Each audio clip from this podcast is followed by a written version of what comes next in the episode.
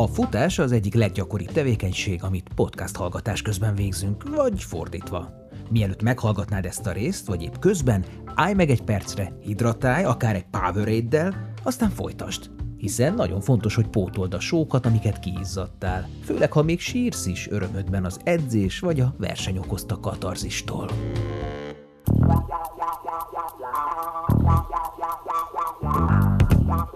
Szevasztok! Simonyi Balázs vagyok, ez itt továbbra is az Izzósztár, a Nem azé, aki fut blog exkluzív podcast sorozata.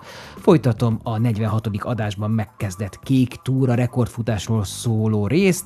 A 47. adásban önök kérték, örök érték, hallgatói, olvasói kérdésekre válaszolok. Ebben az adásban, ó fájdalom, csak engem hallhattok egy magán monológban. Első kézből osztom meg mindazt, amit átéltem. Jöttek kérdések regenerációról, frissítésről, a sorozat mi bellétéről, a kék túra impresszióimról, az időjárásról, útvonal élményekről. Mindenre választ kaptok teljes adásban a Patreonon www.patreon.com per nemazi. Ugyanis ez itt csak az előzetes. Azt kérdezi egy patronáló, hogy javasolnám-e a kék túra végigjárását, vagy más, hát tőlem aztán kérdezheti, mert én aztán tényleg nem vagyok nagy kiránduló csanyához, vagy a terepeket jobban ismerőkhöz kéne fordulni. Amit én tapasztaltam az alapján, igen, javasolnám, szerintem több évszakra elosztva, mert minden évszakban más. Persze ez lutri, hogy melyik évszakban melyik tájegységnek mi áll jól.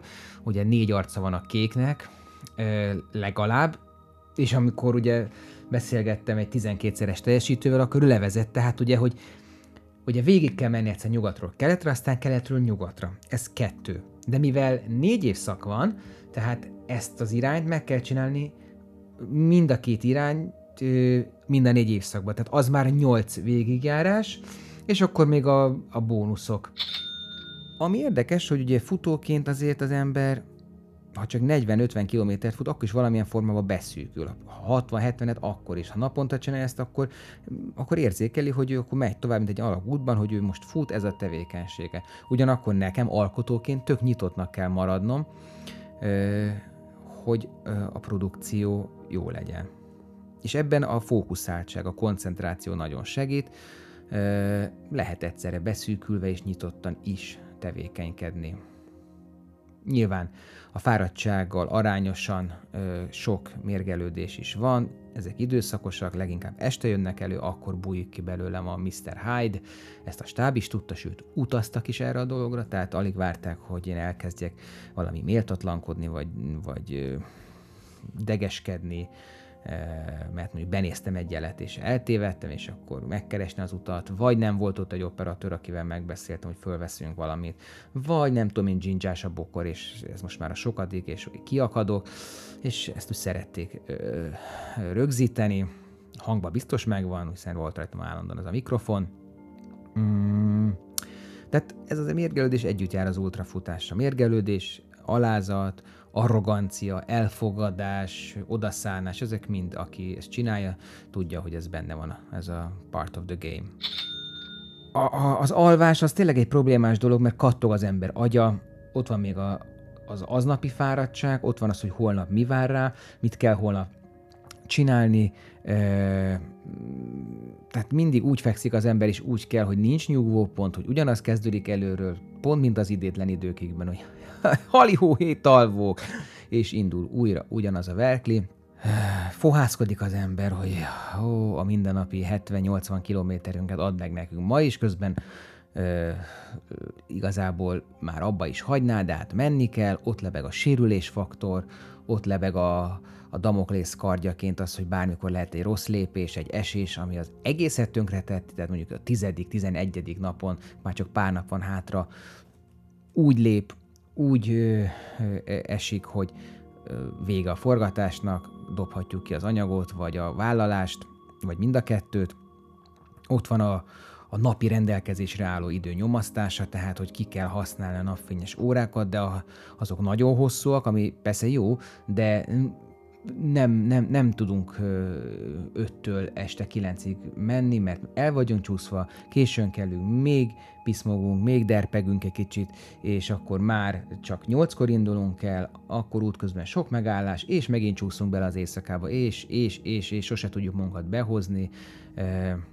Ez, ez, ez frusztráló. Ott van a folyamatos anyagcsere és válságmenedzselés, ott van az, hogy azt is be kell fogadni, feldolgozni, amik útközben érnek csodálatos vagy izgalmas élmények, jó, jó dolgok, rögzíti az agy, forog a film, mármint hát a digitális képrögzítők forognak, plusz a Super 8-as film. Figyelni kell, hogy hol is járunk, hogy, hogy mit is írtam le a nagy bibliában, mi van a napi scriptben, hogyan adjam át ezt flottul a nézőknek, hogy maradjak önmagam, hogy ne legyen ebből egy ilyen buta tévés felkonf, de mégis menjen át az információ, vagy amit közölni akarok, nagyon megterhelő, tényleg talán ez volt a legterhelőbb, amit eddig csináltam. Amik még nagy élményt jelentettek, azok a régi temetők, ezek többnyire vagy elhagyott, vagy gondozott, de igazából már műemlékként működő temetők. Karmacson, a régi zsidó temető, ez ott van Zalaszántó Rezi környékén, Vejnpuszta, ez rögtön Zirc után van, hát az egy nagyon megható maga a történet is a, a helynek, meg annak a temetőnek van egy nagyon sajátos kisugárzása, hangulata, akár tavasszal, akár nyáron ö, mentem oda. Vagy ott van a, a vértesben, mielőtt az ember lerongyolna Szárlégetre, a körtviesi temető, ahol ö, a temető kívül honvédsírok, akik ott vesztették az életüket a világháború, második világháború során, magyar honvédek, és az elkerített temetőbe pedig a már egyáltalán nem létező egykori száz évvel ezelőtti településeknek, az ott élt lakóinak a, a sírjai, aminek egy különlegessége az, hogyha az ember kitartóan mászkál ott a, abban a kis elkerített részben, akkor fölfedezhet, hogy, fölfedezhet, hogy van egy fakéregre festett Krisztus arc, olyan, mint az Andrei Rubiovból az ikonok. Egyébként az, hogy én mennyit futottam, az tökéletesen kiderül a Garminos track elemzéséből, bár nem vagyok egy ilyen kütyübuzi, meg adatelemző, ezért is nem edzek senkit, mert már a saját grafikonjaimat is rühellem nézni. De látszik tökéletesen, hogy az aktív futási idő mondjuk egy 14-15 órás napból az körülbelül 6-8 óra, a sétálási idő 4-5 óra, és van a tétlenül töltött idő, az is néha több óra. Ennyi volt az előzetes, az országos kék túra rekordfutása kapcsán, a teljes beszélgetés a Patreonon érhető el. Ha érdekel ez az adás, a jövőbeliek, az eddigi nagy interjúk, téma analizálások, futással, mozgással, outdoor tevékenységgel kapcsolatban, akkor szállj be a finanszírozásba, legyél támogatója 11 éve fennálló blog és podcast működésének, és férj hozzá további extra tartalmakhoz is írott, vizuális vagy hangi formában, amik a futás vonzás körzetében levő izgalmas és értékes alakokról, témákról készülnek. www.patreon.com per nem azért.